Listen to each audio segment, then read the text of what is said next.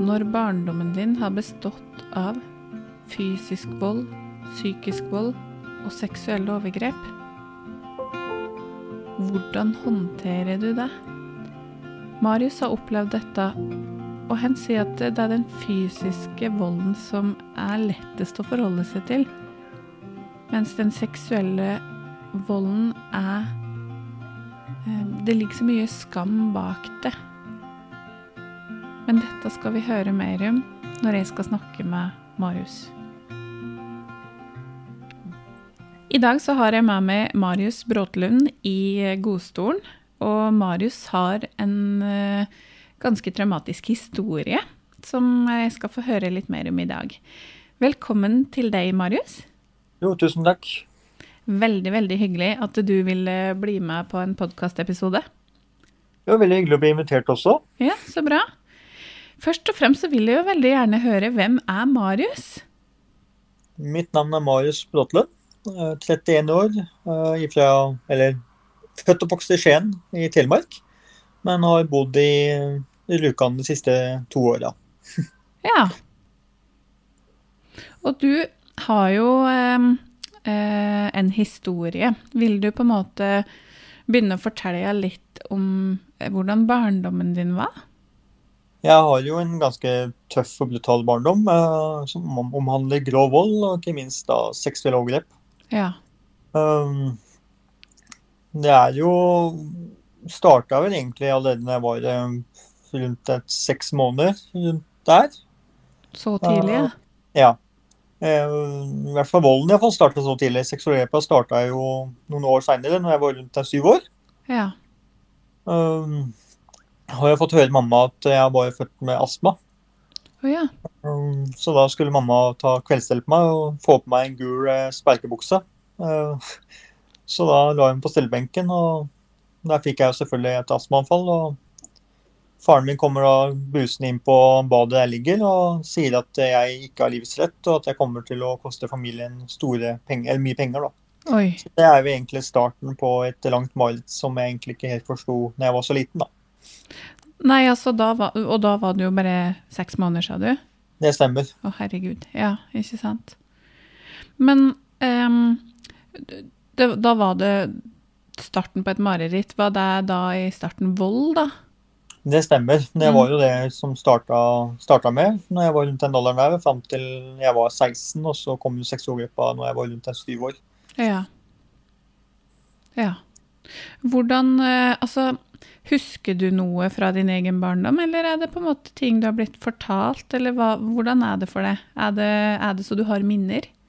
Ja, jeg husker jo veldig mye sjøl, og så har jeg selvfølgelig betalt, blitt fortalt noe, men Mm. uh, mesteparten er jo det jeg husker sjøl. Ja.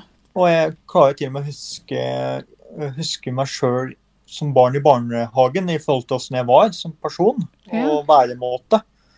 Så det er jo ikke så veldig normalt. Jeg har fått inntrykk av de tidligere jeg har møtt som av psykologer og helsevesen, så er det ikke så normalt å kunne det. Men eh, det er faktisk klart. ja.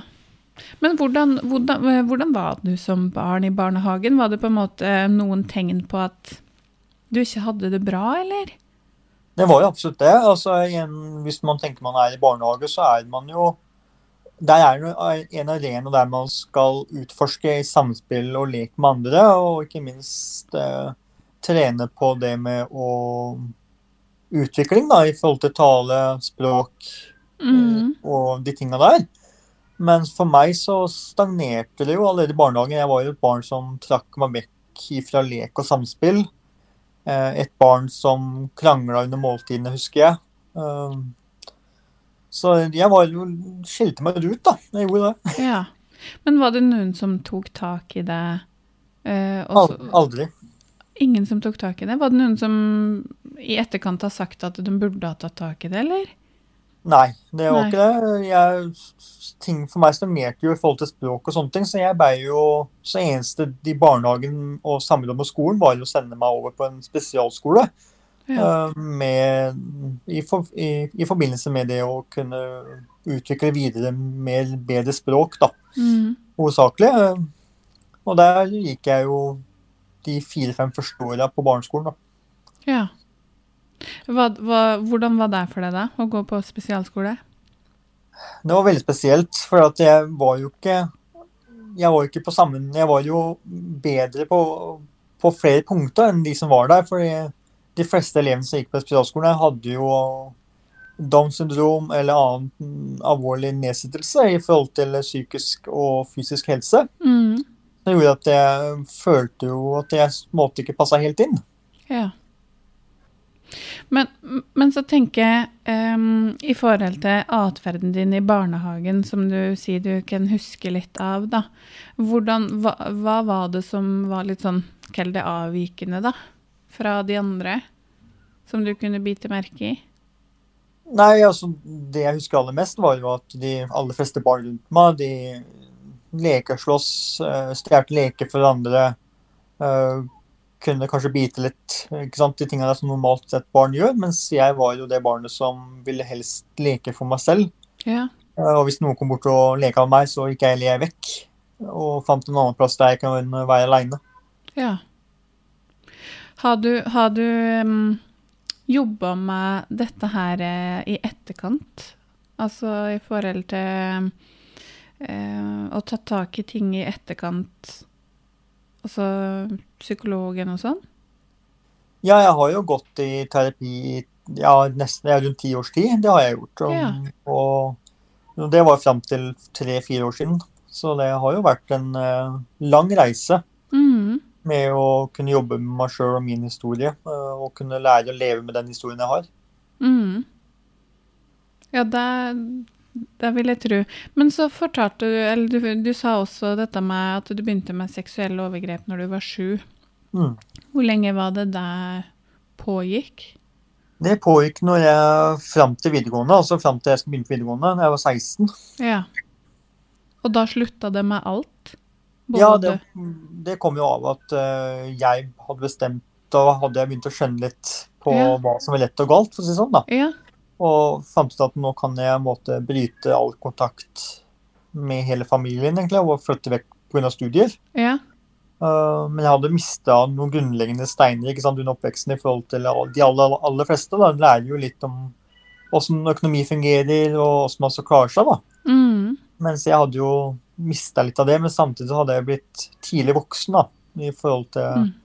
det ansvaret jeg har hatt i de åra hjemme som jeg har hatt. Med det å beskytte søstera mi blant annet, ta vare på mamma, ja.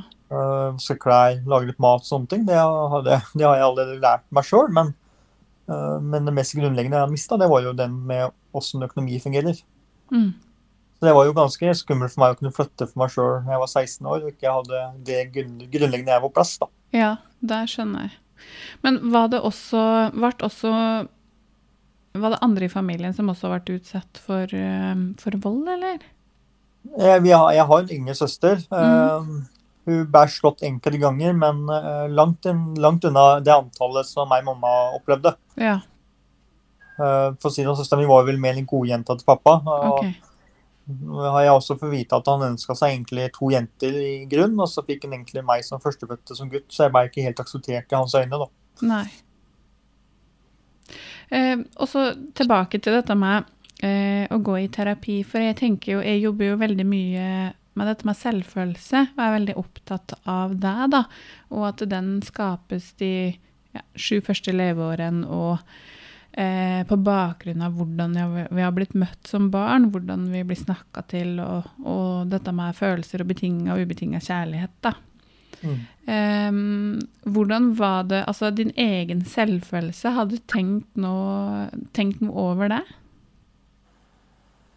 Ja, altså, det jeg kjente mest på i forhold til det, var jo at jeg følte meg jo i hvert fall når jeg skulle begynne å anmelde faren min, Første steg på anmeldelsen min kom jo i forbindelse med at jeg anmeldte han for vold. Ja. Når jeg, var, når jeg var 17, og så gikk det jo nesten ja, halvannet år før jeg da helt tatt greide å snakke om seksuelle overgrep. Mm. Uh, så det var egentlig mest der jeg begynte å kjenne på det med skyldfølelse og skam på en helt annen måte. Ja. Uh, eller for da det tok mer og mer plass, da. Mm. Og ble mer og mer synlig. Mm. Uh, men underveis i barndommen så har jeg vel kjent det på at, uh, at jeg har følt meg liten, følt meg annerledes. Uh, følt at det er min skyld. at jeg burde gjort ting annerledes for kanskje ikke bli slått så ofte. Eh, Jeg burde kanskje oppført meg sånn eller sånn for å kanskje slippe å bli seksuelt misbrukt. Det har jeg jo selvfølgelig gjort. Ja. Mm. Så, og da, da det, ikke sant, em, du som sitter med skyldfølelsen og skammen, og så er det egentlig den andre parten som burde, burde ha det, da. Ja. Men det er jo sånn kroppen fungerer. ikke sant? Man prøver Mhm. hele tida å beskytte seg sjøl best mulig man kan, og så går kroppen gjerne i nødmodus, som gjør at han vet ikke helt hvordan han skal ta og føle på ting. Og så er det mye, så tror jeg måtte kroppen også skru over at hvis jeg bare legger skylda på meg som person, så er det lettere å leve med og lettere å håndtere, for det er jo ikke alle de følelsesmessige følelsene rundt det eh, trenger ikke ta så stor plass, da. Nei, ikke sant, da blir det mer den at eh, det blir bare dit, det blir ikke alt det andre rundt som en trenger å måtte forholde seg til, eksempel. Ja, jeg tror det ligger veldig mye der. Mm. Ja. For meg så er jo det aller meste rundt det med volden og familieproblemene hjemme handler om økonomi. Ja. Eh, Det var det jo selvfølgelig. ja. Eh, Mye av det pga. at begge av mine foreldre var uføretrygda. Eh, Og faren min ønska å bruke mest mulig på seg og sitt og sine behov og sine ønsker. Mm. Mens mamma prøvde vel så langt hun kunne la seg gjøre å være den mammaen som sørga for mat på bordet, at vi hadde klær til meg og søstera mi, de tinga der, da. Ja. Og det var jo det som måte var eh, faktoren hjemme til at ting eksploderte. Mm. Uh, og så var jeg det barnet som var veldig glad i mamma i tillegg, som gjorde at jeg ikke så konsekvensen av det å blande seg inn da, Nei, mellom to mennesker når de krangla. ikke sant at du skulle beskytte, beskytte mamma, da. Ja, Ja. det var det det gikk i. Og så ble jo ansvaret mer og mer over på at uh, å prøve å skåne søstera mi òg, ikke sant. Å prøve hindre at hun skal se og høre hva som foregår mellom mamma og pappa, og ikke minst meg, da, ved siden av. Mm. Så det, det var det økonomiske aspektet i forhold til For du fortalte jo dette med eh, det, at du fikk astma når, som veldig liten, og det kom til å bli litt sånn dyrt med medisiner, og at det var, det var økonomi det handla om, da, eller? Det stemmer. Ja.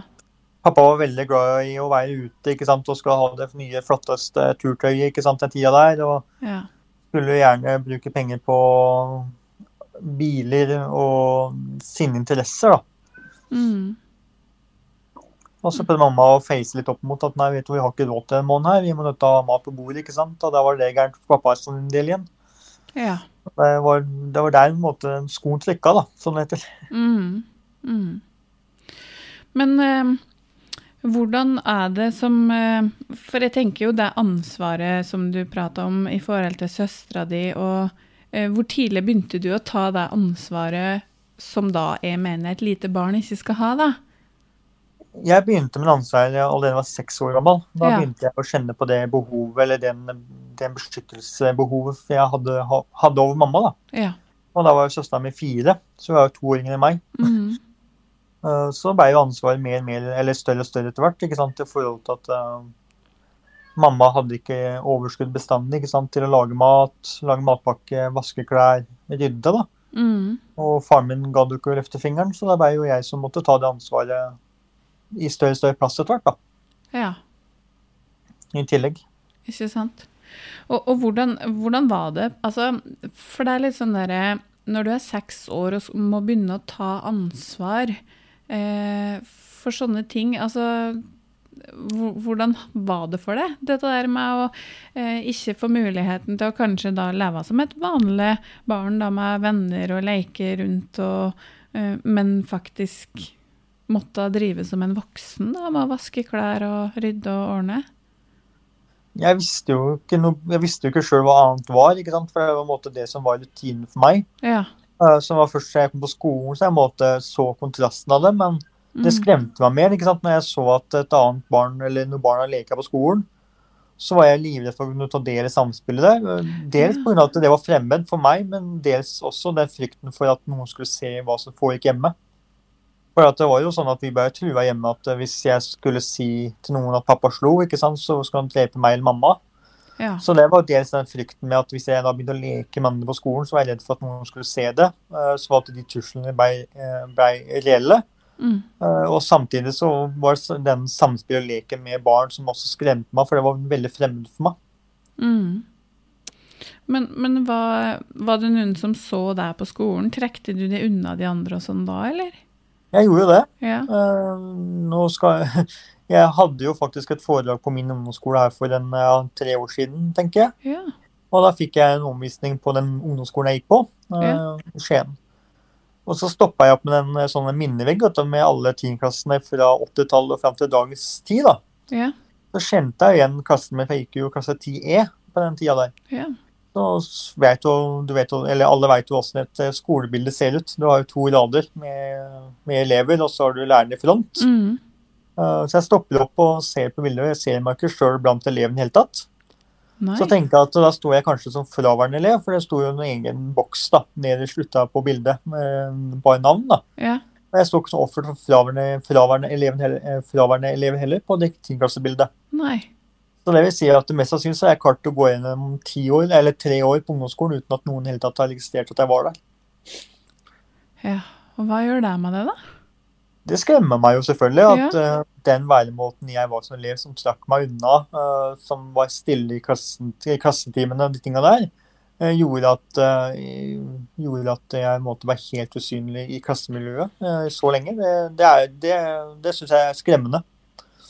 Ja, for det er jo litt den derre um, Det er de bråkete barna, kanskje, da, som får eh, bli mest sett, eller får oppmerksomhet, i hvert fall. Og så Ja. er det de der som er veldig stille og tilbaketrukne, og som ja, ikke skaper noe bråk, da. Som Mm. ikke blir sett. Og det er jo det er jo et litt sånn varselstegn, det òg, tenker jeg da. Når du er blir veldig stille og trekker det tilbake. Absolutt.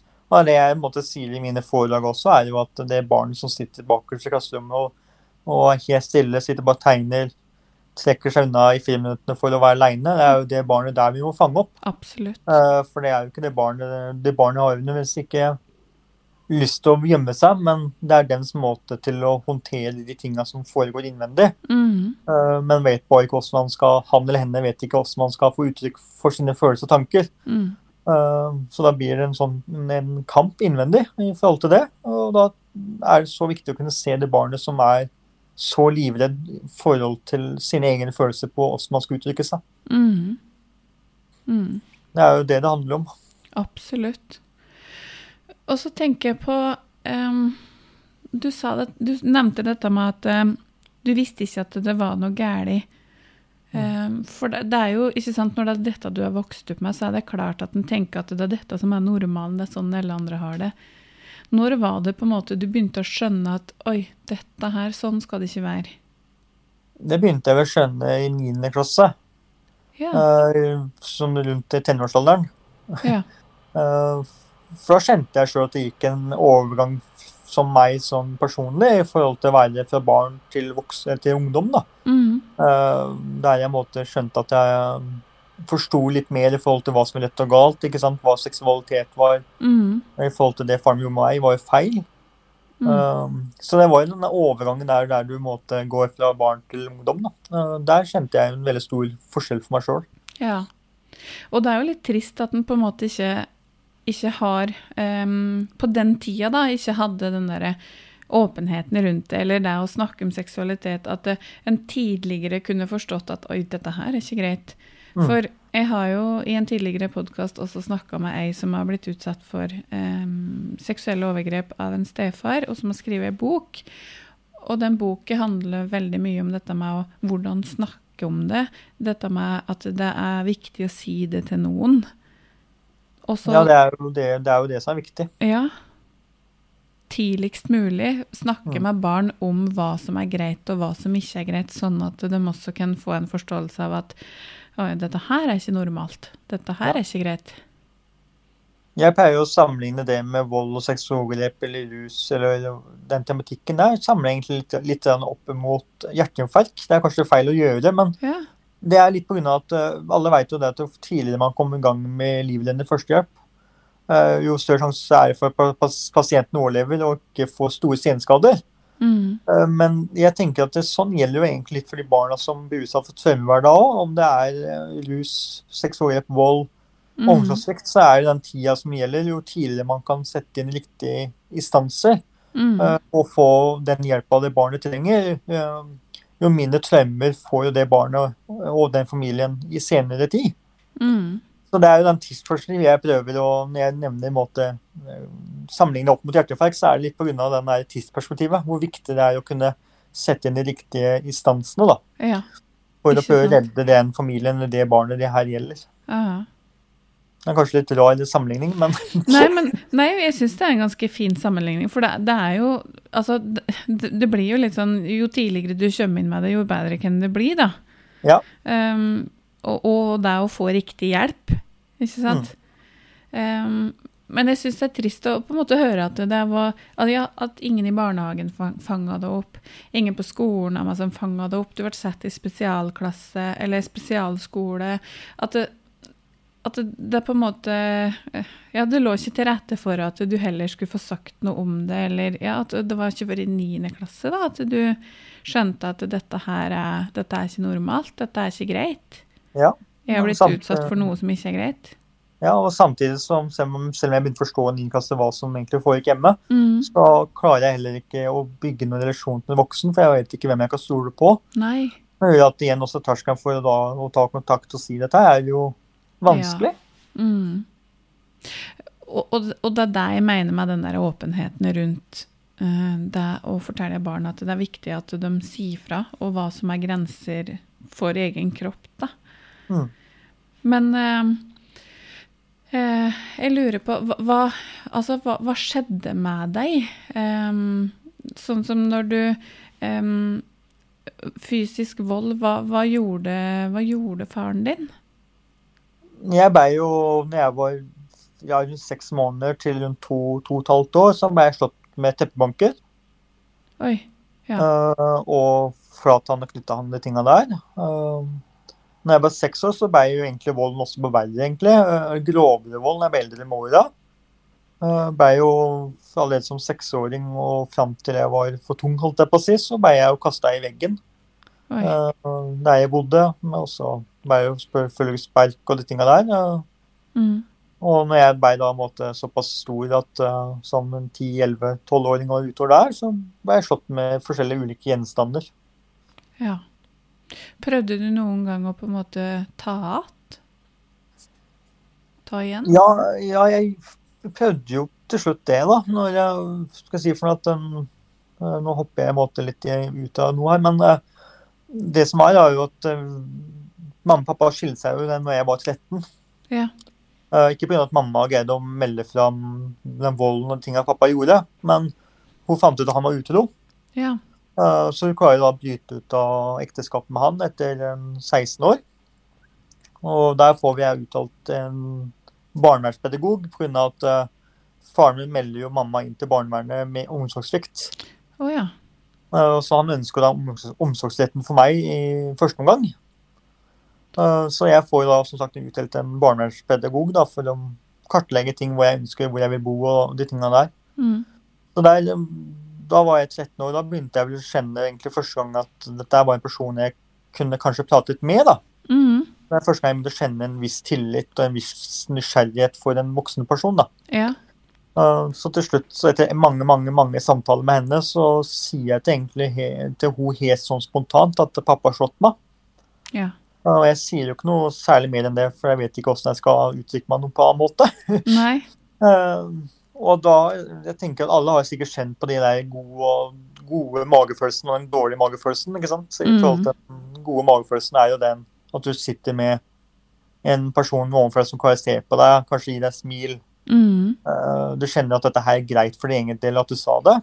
Og så har du den dårlige, dårlige magefølelsen der den personen som sitter overfor deg, mister øyekontakt. Du ser at det vrir ansiktsuttrykket sitt eh, nesten rundt. eh, Mm. Du nesten småkvalm sjøl når du sier ting. Og jeg hadde veldig dårlig magefølelse når jeg måtte sa dette, for for hun slutta å se på meg, hun slutta å smile Oi. Ja. og de tinga der. Så får jeg, får jeg da beskjed etter hvert etter å få tenkt seg godt om, og så sier hun til meg at «Øh, vet du hva, Marius, du har fritidsproblemer, sier hun til meg. Herregud. Seriøst? Uh, ja.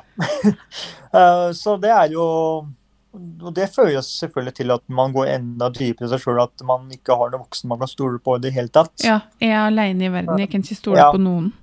Ja, akkurat det. Og samtidig så blir jeg jo tvunget av barnevernet til å ha samvær med faren min annenhver helg, ikke sant, en gang i uka. ikke sant? Ja. Og han utsatte meg bare for seksuelle overgrep når mamma ikke var hjemme. Ja. Uh, så det ble jo ting var mye verre ikke sant, de siste tre åra før jeg helt tatt skulle vurdere å flytte hjemmefra da jeg var 16 pga. studier. Mm. Uh, ble jo så Den gangen jeg prøvde motstand mot han, det var jo en helg alene i huset han leide. Uh, det var jo at det da var egentlig alt fint. Vi satt og spiste mat og de tingene der, men jeg visste jo innerst inne at han er jo en tikkende bombe. Vi vet aldri når det smeller. Nei. Og det var intet unntak den frilanskvelden her, for å si sånn. Han uh, Plutselig så drar han meg ut av sofaen og etter beina. Og jeg prøver selvfølgelig å sperke, uh, sperke meg løs. Ja. Uh, men han er jo litt sterkere enn meg, for han er jo rundt 1,90 ikke sant, og 140 kilo, så han er jo mye større enn det jeg var. Jeg er jo ganske liten og, eller liten og liten, men iallfall tynn i forhold til han, da. Mm. Uh, så jeg har liksom ikke så mye energi, mye krefter og muskler til å stille opp med, men man prøver selvfølgelig Jeg prøvde iallfall der å gjøre motstand, men jeg sperker meg løs og, og de tinga der. Og plutselig så greier han å få meg inn i kottet etter litt kamp. Mm. Og der husker jeg at jeg bare hører en sånn hengelåslyd, en sånn klikklyd, da.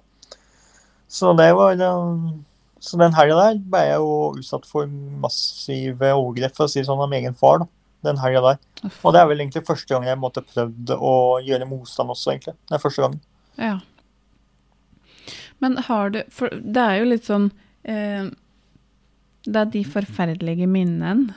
Eh, var faren din også Jeg vil jo tro at han også var snill innimellom. Det var stort sett når vi hadde eh, Enten at vi hadde besøk, eller når vi var på besøk, eller når vi var ute og Litt sånn på- utad til andre, så andre Ja. sier Ja, OK.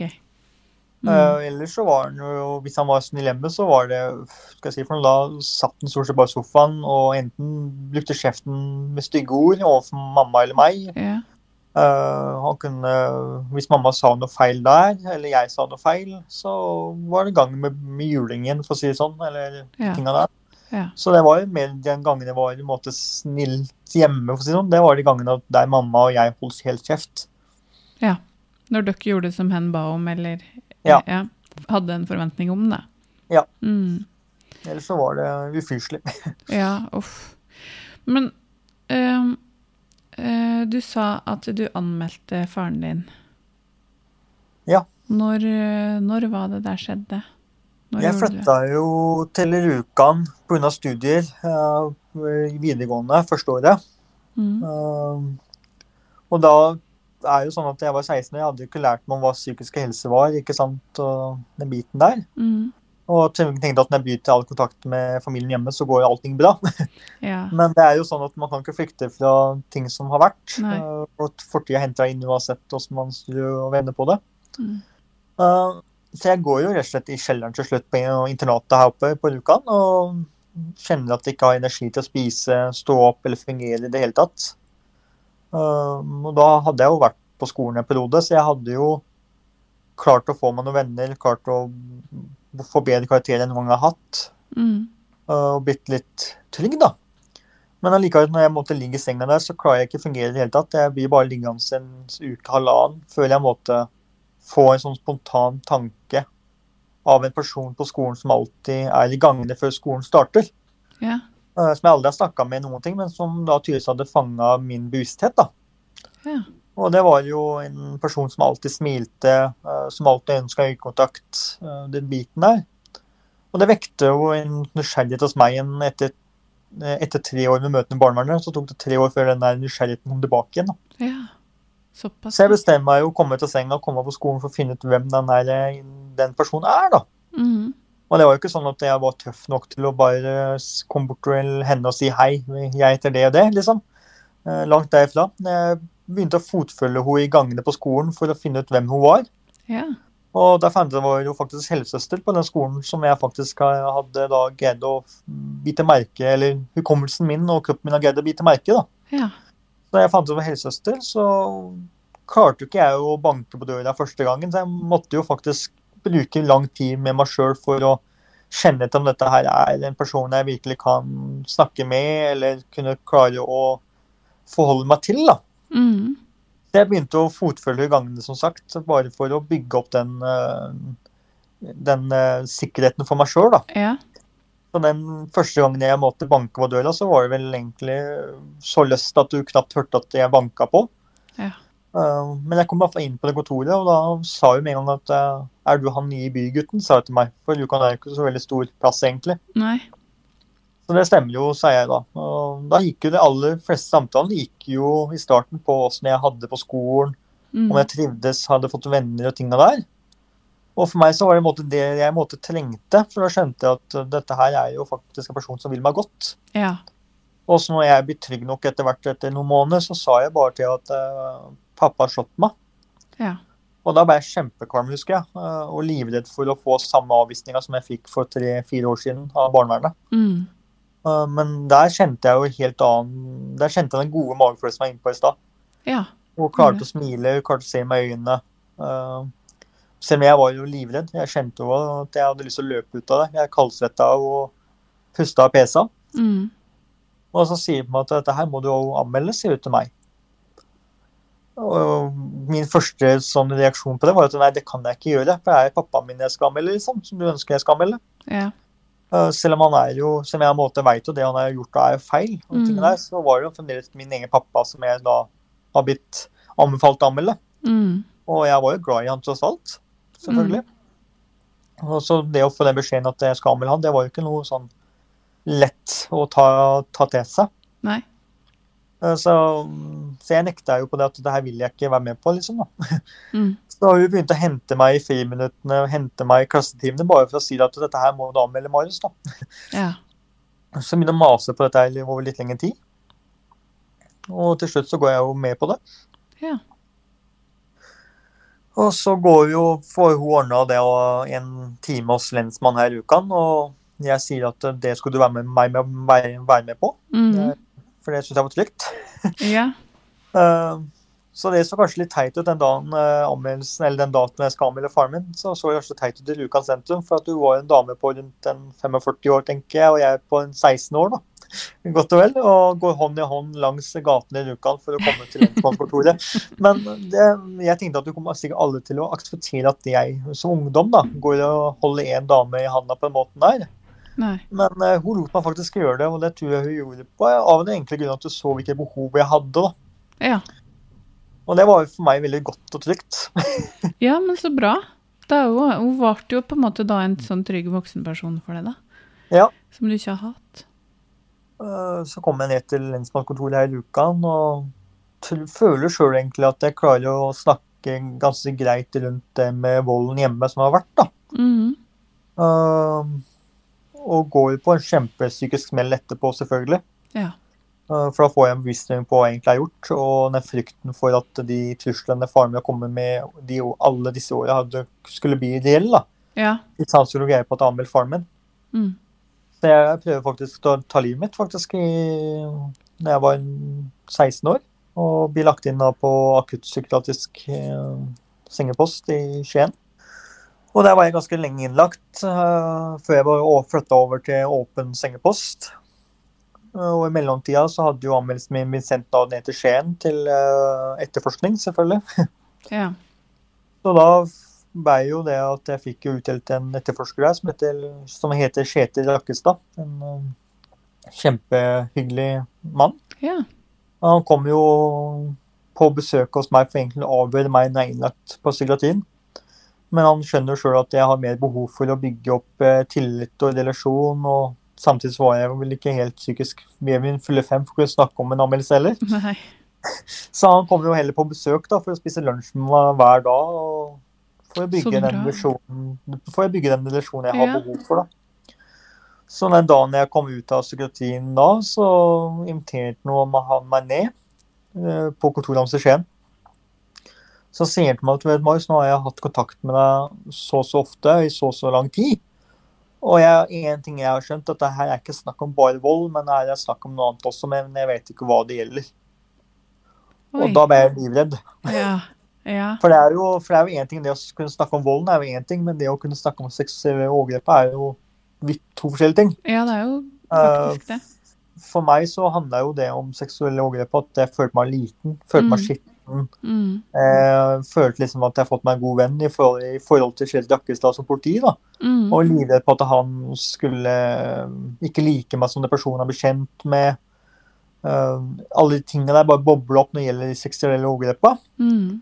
Mens det med volden gikk jo mer på at nei, hvis jeg bare gjort det litt annerledes, så hadde jeg kanskje ikke blitt slått i dag, ikke sant? Eller kanskje jeg skulle ha gjort mer det faren min sa, ikke sant?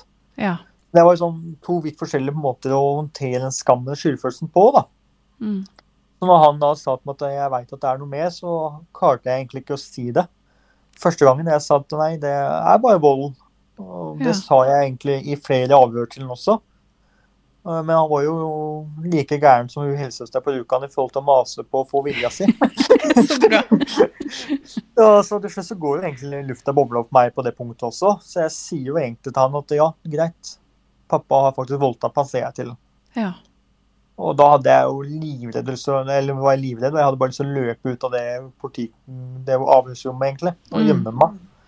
Uh, men han ber meg reise opp av stolen, og jeg skjønner ikke hva han tenker at noen skal sikkert vise meg døra, siden man ber meg reise meg opp, liksom. Og så går han rundt eh, bordet sitt om retning meg, og så tar han tak i meg, og så holder han godt rundt meg, og der begynner jeg å grine. Ja. Uh, og da griner jeg faktisk så lenge at jeg faktisk griner meg tom, akkurat som, som et spedbarn gjør. Mm. Og da var jeg nesten ja, rundt 18 år. Når jeg snakka om de første gangene om de seksuelle overgrepene, faktisk. Så det tok jo faktisk eh, rundt et halvannet år da, fra jeg anmeldte faren min for, fra vold, til det tok til jeg klarte å snakke om de seksuelle overgrepene. Mm. Det er lenge, altså. Ja, men Men det er klart det er, at Jeg syns jo altså det, er så, det er så fint å høre, da, at du ble møtt på en så bra måte, og um, at de tok seg tid til å bygge den tilliten. Altså, det er så fint at det finnes sånne mennesker. Så absolutt. Så det er måten det det handler om også. Det er jo det å kunne klare å se personen bak den historien. Ja. Klare å se det kroppsspråket som er så ærlig og så Mm. flott, men samtidig så skummelt. Mm. Og det samme gjelder også med holdninger. ikke sant? Altså Man kan si så mye man vil via ord, Mm. man kan ljuge så mye man vil på orda, men når det kommer til kroppsspråk og kroppsholdninger, så er det noe av det vakreste og det, noe av det ærligste man har. Mm. Eh, Det klarer jo på en måte aldri å ljuge fra seg det. Eh, Så for meg så var det jo det at eh, jeg kunne godt si til alle som spurte meg hvordan jeg egentlig hadde det, så kunne jeg godt si at jeg har det helt fint, jeg har det så bra. Ja. Men du kunne se én ting på meg, jeg så aldri øya på dem når jeg sa det. Nei. Ikke sant? Jeg mista øyekontakten en gang når jeg sa at jeg hadde det bra. Ja. Fordi at kroppsspråket mitt gjennomskar meg at nei, vær så se meg, jeg har det ikke bra. Som jeg sier mor. Mm. Mm. Så det er noe jeg fokuserer veldig mye på mine foredrag, er på hvordan kan man måte bruke til å bygge gode relasjoner. Jeg tenker at hvis man bare bruker tid til å se på det kroppsspråket det barnet har, Mm. Da kommer man langt. For da kan man måte bygge videre på hva er man måtte se, og kunne spørre rundt det. da. Ja, helt enig med deg. Det er kjempeviktig. Men um, blei faren din dømt? Han fikk eh, til slutt ni års fengsel. Ja. eh, Og slapp ut på prøveløslatelse nå for ca. to og et halvt år siden. ja. Hvordan var det for deg, når du fikk vite det? Ja, jeg har jo egentlig alltid vært eh, sånn at jeg alltid har fått brev i postkassa i forhold til hans eh, permisjon og sånne ting. Så Ja. jeg har måte alltid vært innstilt på at den dagen kommer vel, uansett. Mm. Uh, og så har jeg hatt veldig god kontakt med Kjetil Jakkestad i forkant av uh, den tida jeg skulle nærme seg. Mm. Der han kunne søke om prøveløslatelse og den biten der. Og fant oss sammen noe temaet at eh, hvis han skal oppsøke deg, så må du bare anmelde det. Og så får, du, får han besøks- og kontaktforbud med en gang, og så får du voldsverm, liksom. Ja. Så jeg har alltid følt meg veldig godt ivaretatt i det. Og jeg vet jo faren jeg, Så tror jeg heller ikke faren min tør å ta kontakt med meg heller, tror jeg. Eller med min familie. For han har jo skjønt at jeg faktisk har så på spein nese at jeg tør å gå imot han igjen. ja, men det er bra. Mm. Um, jeg lurer på uh, Er det noe du det, det er helt sikkert det. Noe du sitter med på hjertet som du har lyst til å eh, dele med lytteren, eller om det er noe råd du har lyst til å gi hvis det er noen som på en måte enten er i en sånn situasjon, eller har vært det, eller er det noe du har lyst til å si? Jeg tenker at hvis det er eh, barn noen ungdom der ute, eller voksne som har vært utsatt for dette her, eh, så tenker jeg at i dag så finnes det så mange fine sånn, sånn chattetjenester, eller anonyme chattetjenester, Mm. eller telefonen man kan ringe der og kan være anonym, bare for å få trent litt på å kjenne på åssen det er å si fra til en voksen. Ja. Uh, og så tenker jeg på de som jobber med barn og ungdom, uh, som har en magefølelse i forhold til at det er det har Thor det sånn, eller har Nina det sånn, Mm. så tenker jeg at det bruk heller eh, tør å være nysgjerrig på kroppsspråket, og så tør å spørre det man ser. Mm. Og ikke henge seg så mye opp i hva barnet sier i første omgang, men heller prøve å henge seg opp i hva som egentlig vises utad. Ja. Og kunne tørre å spørre deretter. Eh, For at hvis noen hadde spurt meg at Marius, hvorfor klarer meg ikke du å se meg i øynene når du sier du har det bra, Mm. så hadde jeg selvfølgelig blitt kjemperedd og kjempe, kjempeskummelt. Mm. Men samtidig hadde jeg kanskje følt også at oi, jeg ble sett. Ja, det er noe med det. Han eller henne så meg. Mm. Jeg tenker at hvis man får den der magefølelsen at eh, den personen eller ungdommen barnet ikke klarer å se på deg, så prøv å heller utforske på det med kroppsspråket, og så tør du å heller spørre litt rundt det Mm. for å bygge en relasjon. Mm. Det er kjempeviktig. Og aldri slutt, eh, og aldri slutt å være nysgjerrig. Ja. Mm. Veldig bra. Eh, Men i dag, da? Hvor, hvor, hvor er du? Hvor er Marius i dag? Nei, i dag så bor jeg jo i Rjukan. Mm. Eh, Jeg er jo trygda pga. eh, min mentale helse pga. min historie. Og samtidig har jeg også fått, fått påvist en del senskader som gjør at jeg ikke klarer å være ute i ordinær jobb. Eh, Og så er det det at jeg brenner jo for å skape en større åpenhet rundt dette tematikken med vold og seksualovergrep i nære relasjoner, så jeg bruker min historie til å gi gode råd og sette bilde på min historie og andres historie. Ja. Så jeg leser rundt og holder foredrag som ved siden av trygda, og for å skape en større åpenhet om et veldig vanskelig tema, og gi, prøve å gi gode råd fra, ut fra de behova jeg har hatt da, med at Mm. var barn og ungdom. Ja. Og så har jeg en fantastisk kjæreste som tillegg som er, eh, som er der for meg, og som har virkelig støtta meg det siste halvannet året. Så bra. Så du har på en måte Men um, jeg må jo spørre som terapeut, da. Er det sånn at du uh, Går du For du hadde slutta i terapi? Ja. ja. Eh, Føler du på en måte at du har fått bearbeida historien din, eller er det sånn at du dukker opp innimellom, at du hele tida er nødt til å på en måte bruke noe verktøy, eller sånne type ting, da? Det er jo mer i forhold til triggeren for meg, det med høye lyder. Eh, Ja. Hvis folk kommer bak meg og sånne ting, så kan jeg jo kjenne på at dette er trigger for meg. Mm. Eh, og da er det viktig for meg å kunne bruke pusteteknikker som Grandic-teknikk, eh, ikke minst. Ja. For å få kontroll på pusten og komme meg tilbake igjen til 2022, da. Mm. Så jeg kjenner fremdeles på ubehag på det, selv om jeg jobba med, med dette i ti år profesjonelt. Så er det jo, er det jo en historie jeg kommer alltid til å bære med meg, og som alltid kommer til å være en del av meg og hvem jeg er. Og som alltid kommer til å ta plass og tid. Så det handler jo om meg å kunne finne de beste mestringsmetodene i hverdagen for meg. Mm. Og da er det jo det med Grandic-teknikk som er inne på pusteteknikk, er jo viktig for meg for å få best mulig hverdag ut fra de tingene som jeg møter i, hverdag, i, i hverdagen. Mm. Ja. Eh, er det noe mer du kjenner du sitter med på hjertet, eller eh, føler du at du har fått sagt det som er viktig for deg? Jeg føler en måte at jeg har sagt det jeg tenkte. Ja. Eh, Jeg vet ikke om du har noe flere spørsmål? Nei, jeg har egentlig ikke det. Jeg tenkte å skulle gå inn, eh, inn mot en avslutning. Ja. Men jeg syns det var veldig hyggelig å ha deg med, og at du delte din historie. Det er jo en voldsom, traumatisk historie. Eh, og det er viktig det du sier, dette med å lese kroppsspråk, eh, tørre å spørre, ja, tenker jeg kanskje litt sånn eh, Hvis du lurer på noe eh, i forhold til et barn eller noe, så tør å spørre, og tør å sette fingeren på det. Så jeg tenker åpenhet er vel kanskje også um, I hvert fall mener jeg er veldig viktig, da. Dette med å øve på åpenhet. Og som du sier, dette med chattetjenester, eh, gratistelefoner som du kan ringe som er anonymt, der du kan bare øve på å åpne det litt. Ja. Så absolutt. Mm. Så tenker jeg også det er viktig det å kunne sette sette sitt eget behov litt til side gjelder med møte med barn og ungdom som har vært utsatt for dette. her. Mm. At man heller prøver også å finne balansegang for å gi og ta. da. Mm, For det er jo ofte sånn at hvis man er voksen, så blir man kanskje ofte litt gira på at dette vil jeg klare å få ut, ikke sant. Og Ja. føler kjempemestring på det. Men hvis man skal helt greie å bygge en god relasjon med et barn og ungdom som er utsatt for en traume, så er det jo like viktig å gi det barnet eh, det plassen og det behovet det også trenger, i, i en balansegang, da. Mm.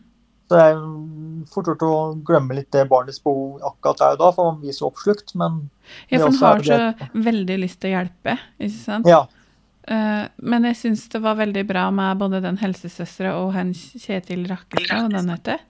Ja. ja.